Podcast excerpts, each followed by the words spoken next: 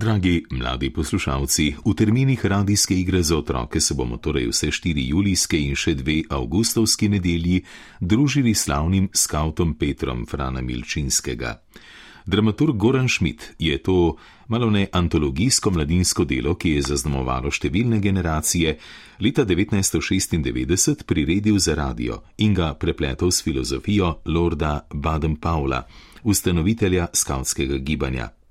Danes torej začenjamo s prvim delom z naslovom Skautstvo. Zdi se, da so razmisleki o tej plemeniti dejavnosti mladih, ki jo v slovenščini poimenujemo tudi taborništvo ali gozdovništvo, pravšni za počitniški čas. Tudi prvi skautski tabor na svetu je bil namreč organiziran poleti med 1. in 8. augustom leta 1907 na angliškem otoku Brownsea.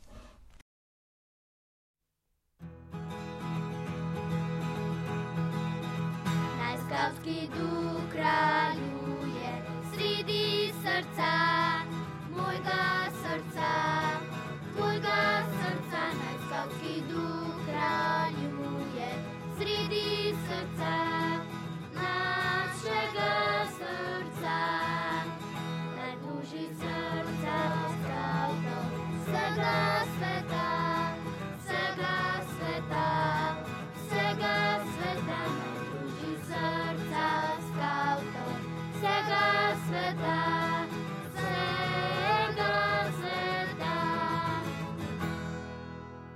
Pred davnimi, davnimi časi, v kraljevini Jugoslaviji, je živel slovenski pisatelj Fran Milčinski in je imel tri sinove. Pa ga je doletelo, da so vsi trije hoteli biti skauti. In biti skaut nima jih nareč, ne za sinove in še manj za starše. Skautstvo zaposli pustolovskega duha odraščajočih dečkov, starše pa sili v prenekateri razmislek, posebno še, če so takšni, kakršen je bil Fran Milčinski, ki je bil sodnik za mladoletne prestopnike in ga vsi poznamo po romanu Ptički brez gnezda. Zato je v skautstvu videl vzgojno koristno udejstvovanje. Ker pa je bil tudi avtor znamenitih Butalcev, je znal videti še smešne plati. Skautstvo kot organizirano gibanje si je namreč izmislil Anglež Lord Baden-Powell na začetku tega stoletja kot način za vzgojo dobrih državljanov. Pod dobrimi državljani si je idealistično, to se pravi plemenito, a v resničnosti nedosegljivo, predstavljal ljudi, ki bi ljubili Veliko Britanijo, ki bi razvijali svoje sposobnosti kot posamezniki in ne kot delci vojaškega stroja, in ki bi živeli v sožitju z naravo in z drugimi ljudmi, ne glede na spol, poreklo, imetje, veroizpoved. Nasplošno vzeto so to seveda same lepe in koristne misli. Še danes in celo še vedno bolj govorimo o domoljubju, o vrednosti človeka kot posameznika, o varstvu narave in o strpnosti do drugih in drugačnih. V tem pogledu je bil lord vizionar, se pravi, da je uganil, kaj se bo zgodilo v prihodnosti. Te misli so tudi v slovenski tradiciji skautstva, po drugi vojni taborništva in zdaj spet skautstva in taborništva. Z legendarnim, že pokojnim naravoslovcem in pedagogom Pavlom Kunaverjem na čelu preživele in bodo živele tudi v naslednjem tisočletju.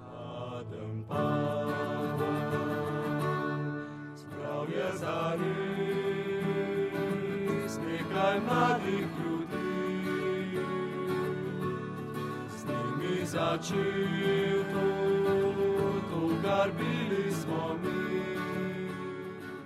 Sam lord Baden-Powell je služil svojemu kraljestvu na prelomu stoletja v mnogoterih džungelskih, polarnih in tropskih kolonijah Velike Britanije. V njem je živel tudi duh takrat še živečega Karla Maja, avtorja Vinetuja, Sužnjev in mnogih drugih pustolovskih romanov. Če pustimo za to radijsko priliko, ob strani izkoriščevalsko in narodno zatiralsko vlogo kolonialnih gospodarjev, kar so lord hočeš nočeš bili, mu gre priznati, da je svoje izkušnje bistrovidno strnil v tale opis skautstva, ki smo ga, mimo grede povedano, slovenci dobili v prevodu leta 1932. Izraz skautstvo pomenja delo, ki ga vrše zagorci, potujoči preiskovalci in graničari. S tem, da seznanjamo dečke z osnovnimi pojmi skavtstva, jim nudimo sestav iger in dejanj, ki odgovarjajo njihovim željam in težnjam ter hkrati vzgojno učinkujejo. Radi igre, zabave in potovanja jih združuje skavtstvo v tovariške skupine, ki so za nje prave prirodne organizacije, daje jim siguren nastop in okusno opravo, oživlja njihovo domišljijo, daje njihovemu duhu romantično smer in jih pridobiva za bodro življenje na prostem. Vzgojitelj se lahko nadeja, da bo skautsko udejstvovanje podpiralo dečke v zdravju in razvoju, da jih bo napravljalo delavne, iznajdljive in spretne, da bo vzbujalo v njih obvladovanje samega sebe, podjetnost, viteštvo in domoljubje. Skratka, da bo vzgajalo značaje, kar je za uspeh v življenju nad vse važno in kar šola še premalo upošteva. Vzgojna metoda ki se je poslužuje skavtstvo, ne podaja samo znanja, ampak stremi za tem, da vzbudi v dečkih željo po samostojnem učenju. Naša načela se ujemajo z načeli modernih teoretikov vzgoje. Naš narodni smotr je edino ta, da vzgojimo iz doraščajoče mladine dobre državljane. Vojaško vzgojo odklanjamo. Skavtstvo je vrhu tega namenjeno dečkom vseh narodnih slojev in se lahko vrši tako v mestih, kakor na kmetih.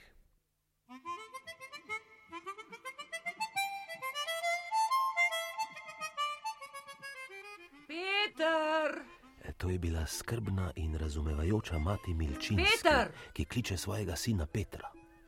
Gotovo si vsak deček želi svoji domovini na ta ali oni način koristiti. To lahko stori tako, Peter, kosilo. to lahko stori tako da postane skaut. V kakšne velike besede. Ni čudno, da Peter posluša z odprtimi usti in ne sliši mame. Kajti Lord ne govori samo o časti, marveč tudi o pustolovščinah.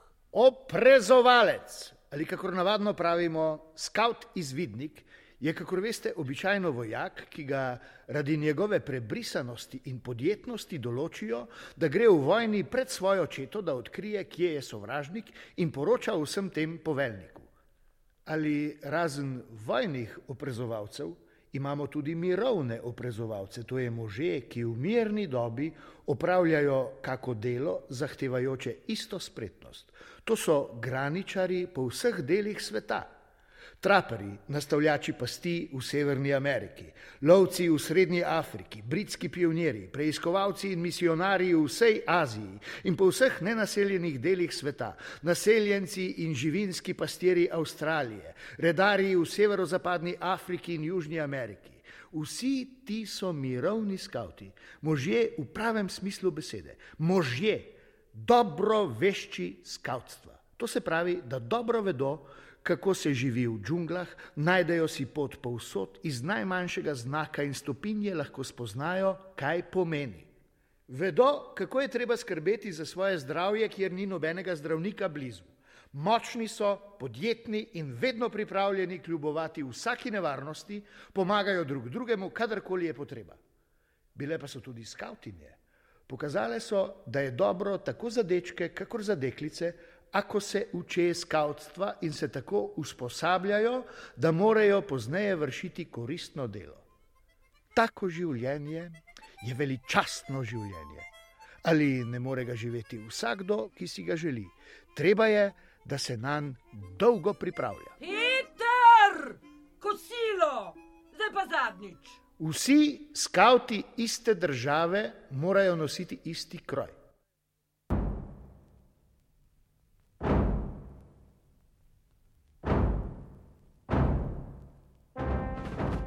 Klobuk, rjava barva, raven rob, vihrajoči trak ali vrvica okrog glave.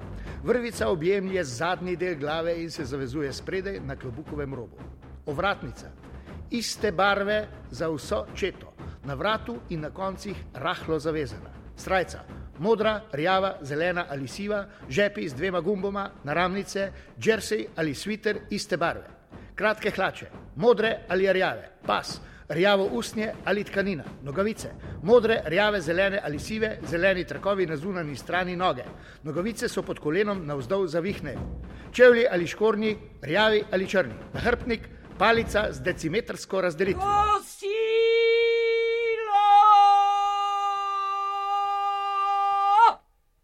Mati, jaz bom scout. To je bil Peter, ki mu je usojeno skaut postati. Ti boš zdaj kosilo pojedel. To je bil sam avtor, oče Petrov, sicer znameniti Fran Milčinski. Oče, jaz resnično hočem biti scout. Sinko, ne boš. Ako misliš, da je skaut široki klobuk z usnjenim jermenom in drugega nič, motiš se. Nego je najvažnejši del skautskega kroja vse kaj drugega, česar si pa ne kupiš v štacuni za britke pare očetove. In je oče moral sinu stvar razložiti.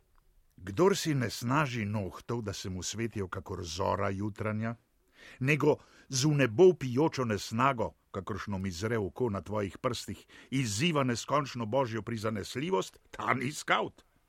Kdor ne je vsega od kraja, pa naj si bo špinača ali v koščkih krompir, pač pa brca pod mizo svoje sorejence, da se dero kakor na ražnju, ta ni skaut. Kdor se zakrknen umika klavirju in vsakikrat baš tisti hip postane lačen, kadar bi bilo treba sesti k notam, ta ni skaut. Kaj ti, pravi skaut ljubi klavir in ljubi tudi latinščino in matematiko, in v slovenskih nalogah postavlja vejce in pike tja, kamor spadajo, in prijedi pol toliko nec smoka, kot smokaš ti. Oh, hvala Bogu, jaz sem še premlad za skavta. Tako si je iskreno oddahnil najmlajši sin, ki je pozneje postal znameniti Frane Milčinski ježek. Pa kaj družinske zgodbe drugi pripovedujejo, vse znam sam. Hvala, kot sem rekel, bom sam. Kar počivajte malo, vi, vi, vi pripovedovalec. No pa grem, grem trikrat okoli radia, pa pridem nazaj. Št, št. Torej, takole sem bil stvar razložil sinu Petru. Sledeče dni se mi je pa zdelo čudno in sem rekel ženi, ali je naš fant bolan. Takrat, ko ga je prijemala vročinska bolezen, je bil takšen. Nič se ne tepe, nič se ne grega. Kar se mu reče, kar se mu da, vse mu je prav. Stvar je sumljiva. Ali naj pošljem po zdravnika? Enak, le za skavta se pripravlja. Tako se je držal fant cel teden in ni z besedico omenil skavtov. Pa se mi je zasmilil sirota, da sem dovolil in zdaj je skavt. In zna že pet vozlov zadrgniti, mrtvih in živih. Jaz znam le dva. Mislim, kar se tiče vozlov, smo v naši družini lahko zdaj brez skrbi. Silna koristnost skavtstva pa se mi je razodela, ko so mi povedali in črno na belem v knjigi pokazali, kakšne znake usposobljenosti vse si lahko skavt pridobi. Prvi je samoumevno, pravim samoumevno, ker že počasi prodiramo bistvo skavtstva, samaritanec, ki mora znati Nositi nezavestnega, kakor ga nosijo ognjegasci, vleči ga z vrvjo, sestaviti rešilno nosilnico, vreči rešilno varu, hitro izrezati in prirejati lesene ploščice na zlomljeni ud, vzbuditi življenje z umetnim dihanjem, ravnati s tistimi, ki so se navidezno zadušili, opekli, zastrupili, ki jim je padel pesek v oko, ki so si izvinili ali odrli kak ud, ki jih je popadla slabost, po izbiri spraševalca vedeti splošna pravila o zdravju, vključno z naukom o nevarnosti kajenja, nezmernosti, slabem zračenju in pomankanju čistoče. dobro, veščak v zrakoplovstvu. Napraviti mora delujoč model zrakoplova ali vodljive zračne ladje, ki leti vsaj 25 metrov daleč. Bravo, košar. Imeti mora splošno znanje o materialu, ki se potrebuje za pletenje. Predložiti mora tudi praktično uporabljiv predmet. Koš, pletenino iz trstja, močvirne trave ali iz slame, ki ga je napravil popolnoma sam. Odlično, čebelar. Uh, uh, Praktično mora znati ogrebati čebele, jih spravljati v panje ter skrbeti za nje. E, glej ga. Kovač? E, Kovač mora znati zvariti in presekati železni drog dva in pol metra dolg, napraviti potkov, okovati kolo in vihteti kovaško kladivo, konja pravilno podkovati in železo ter jeklo oblikovati. No, gremo dalje. Mornar? Biti mora sposoben, da sam vozi čovn, znati mora veslati, ga z drogom odriniti, iti z veslom preko zadnjega dela in porivati čovn naprej, krmariti ga z vesli in ga spraviti bok ob bok kladi ali mostu za izkrcavanje. Znati mora vleči in se pustiti vleči, znati mora vrv vreči na breg, da se pritrdi. Zelo dobro, gospod Lord. Trobentač? Pravilno mora znati trobentati sledeče znake: skautski zbor, alarm, napad, sl, sporočilo, svečanost, stan, nastop, odstop, izdajo živil, prvi in drugi klic k jedi, budnico, poziv k spanju, ugasnitev luči. Tesar? Znati mora ustružiti in zlimati en meter in 20 centimetrov dolgo desko, napraviti zarezo, čep, stik, zatvorljivo škatlo, škarjasto zvezo, mizo ali stol. Pisar? Napraviti mora izpit iz pisanja, tiskanja z roko in strojepisja. Iz spomina mora pisati pismo, čigar vsebina se mu je pet minut poprej ustno povedala. Tako je, kuhar. Dajte, mati, vi preberite.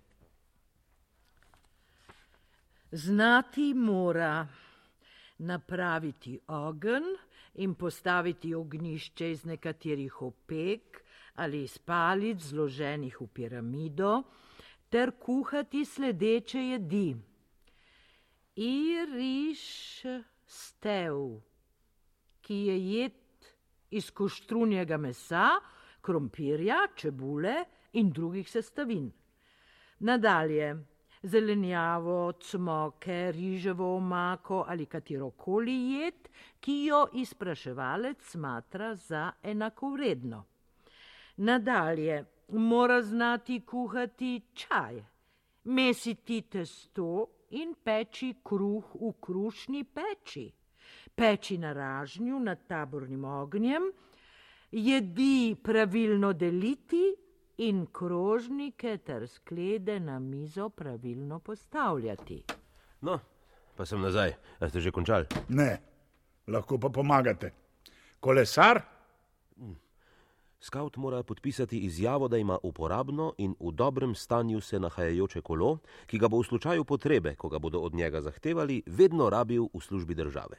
Biti mora sposoben, da se na zadovoljiv način vozi na svojem kolesu in znati mora popravljati luknje na gumiju. Prav tako mora znati čitati zemljevid in pravilno ponoviti ustno naročilo. Ako kolesa nima več, mora znak vrniti. Eh, Lahko zamenja za znak tekača. Ne, ker ga ni. So pa še mlekar, elektrik, strojni graditelj, poljedelec, ognjegasec, tolmač, pralec, čevljar, strelec, zidar, borec, kovinar, rudar. Ta mora vsaj šest mesecev delati pri kakem rudniku pod zemljo, misionar, zalezovalec, perutninar, zvezdoslovec, fotograf, brodar, livar, svinca, rešitelj, tiskar, geolog, morski ribič, signalnik, ljubitelj živali. Ljubitelj živali mora biti v splošnem poučen o ustroju domačih živali in znati jim mora pomagati, ako so se ranile, si zlomile ali izvinile ud, se zadušile ali ohromele. Poznati mora kopita, vedeti, kako se podkujejo in kako se daje konjem pijača proti koliki. Vrtnar, Prekopati mora kos zemlje, ki ni manjši kot en ar. Zasaditi mora šest vrst zelenjave ali cvetlic s semenom ali sadikami. Poznati mora ducat rastlin, ki se lahko določajo v navadnem vrtu in vedeti, kaj je obrezovanje, cepljenje in gnojenje. Mislim, da bi se Petru ta znak skautske usposobljenosti jako lepo podal. Ne vem, če bom ravno utegnil. Šola, klavir, Aha, pa skaut rokodelec. Mora znati vrata ali kopalno kat poslikati, strop pobeliti, plinske zveze, pipe, okove na oknih in vratih popravljati, električne plašče in gumbe nadomestiti, palice za zavese pritrjevati, preproge polagati, obleke in blazine popravljati, majhne poškodbe na pohištvu in porcelano izboljšati, in nože brusiti. Oh, čestitam, lord, mislili ste na vse. Med nama povedano, gospod sodnik, takšen je pač seznam poklicev v kolonialnem imperiju. Vsem moramo dati občutek, da so potrebni in koristni. Seveda pa lahko skaut dobi tudi tiste najbolj romantične znake usposobljenosti za veščine, ki jih večina ljudi enači s skautstvom. Naprimer, jezdec, godec, pionir, prirodopisec, poznavalec potov, rešitelj in zvezdoslovec. Ampak o tem drugič, gospod Milčinski. Natančno vzeto se tudi pri skautstvu stvari dvigajo od ročnih spretnosti v območja duha in morale. Zato pa so, vidim, skoraj tako pomembni kot vozli tudi skautski zakoni. Nekega dne me je namreč naš skaut iznenadil z vestjo, da je napravil izpit za tretji red. Hm, najprej sem menil, da se je odločil pustiti posvetno nečimrnost in posvetiti svoje mlado življenje spodbudnemu premišljevanju večnosti in Bogu všečni hoji za procesijami s svečo, in da je za to reč tudi že potreben kos male mature. Pa me je podučil, da imajo skauti takisto svoj tretji red. In nikdo ne pride van, kdor ni prebil strogega izpita iz vozlov in zakonov. Pa me je najprej zanimal ta izpit. Kdor hoče postati skaut tretjega reda, mora biti star 11 do 18 let in mora preden napravi za obljubo položiti sledeči izpit. Poznati mora skautske zakone, znak in pozdrav. Opisati mora znati državno zastavo in vedeti, kako se razvije. Vedeti mora, kako se uporablja palica. Napraviti mora znati sedem različnih vozlov in vedeti, kako jih je treba uporabiti. Ko napravi deček izpit in se zaobljubi, se uvrsti med skaute tretjega reda. In sme nositi skautski znak v levi gumnici, ako je v civilu, ali na levem srajčnem žepu, ako je v kroju. In kar je fant pozabil povedati, očitno je iz liberalne familije, skautska zaobljuba se glasi: Pri svoji časti obljubljam, da se bom na vso moč trudil, prvič, da bom izvrševal svojo dolžnost do Boga in domovine, drugič, da bom vedno pomagal svojemu bližnjemu, tretjič, da bom pokoren skautskim zakonom. Zaslutil sem, da skautstvo ni kar tako in da morajo biti skautski zakoni hudi. In sem vprašal. In naš skaut je dejal, da skautski zakoni niso tajnost. In jih je pričel naštevati. Prvič, skaut ne laže. Ako skaut pravi, tako je pri moji časti tedaj naj to toliko pomeni, kakor če bi bil napravil najsvečanejšo prisego. Ako pa kak skaut greši proti svoji časti s tem, da laže ali ne izvrši povelja, kadar mu je bilo dano na njegovo čast, tedaj se mu lahko oduzamejo skautski znaki in brez dovoljenja jih nikdar več ne sme nositi. Stop! Zdi se mi, da že ta prvi zakon ni tak, da bi se moglo mimo njega brez pomisleka.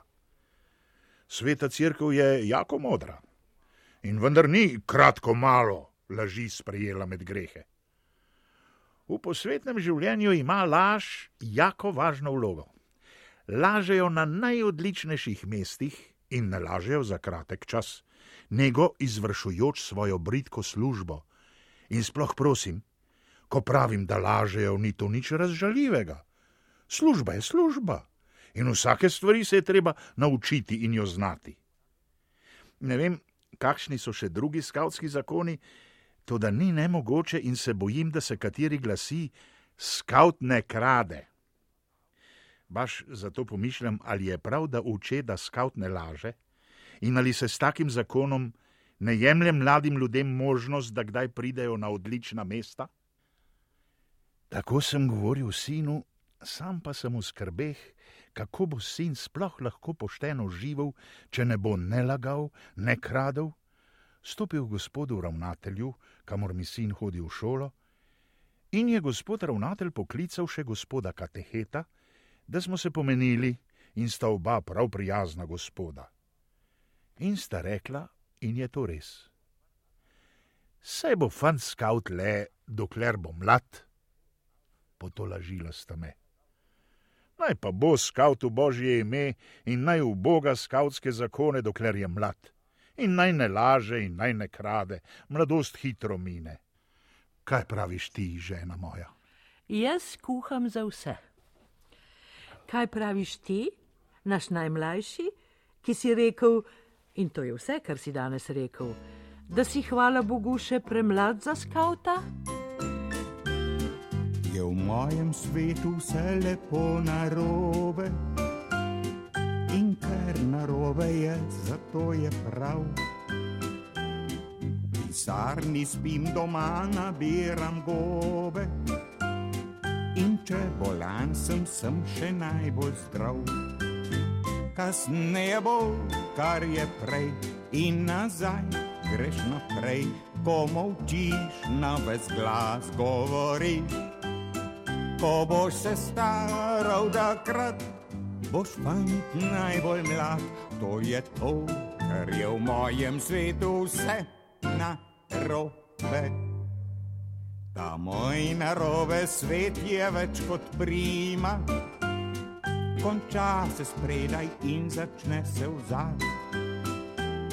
Pomlad je po drugot je pusta zima in kdor sovraži me, ima me rad. In skupaj z njim grem pesemco zapet. Zato je pravšnji moj na robe. Svet. Kaj mi je še ostalo?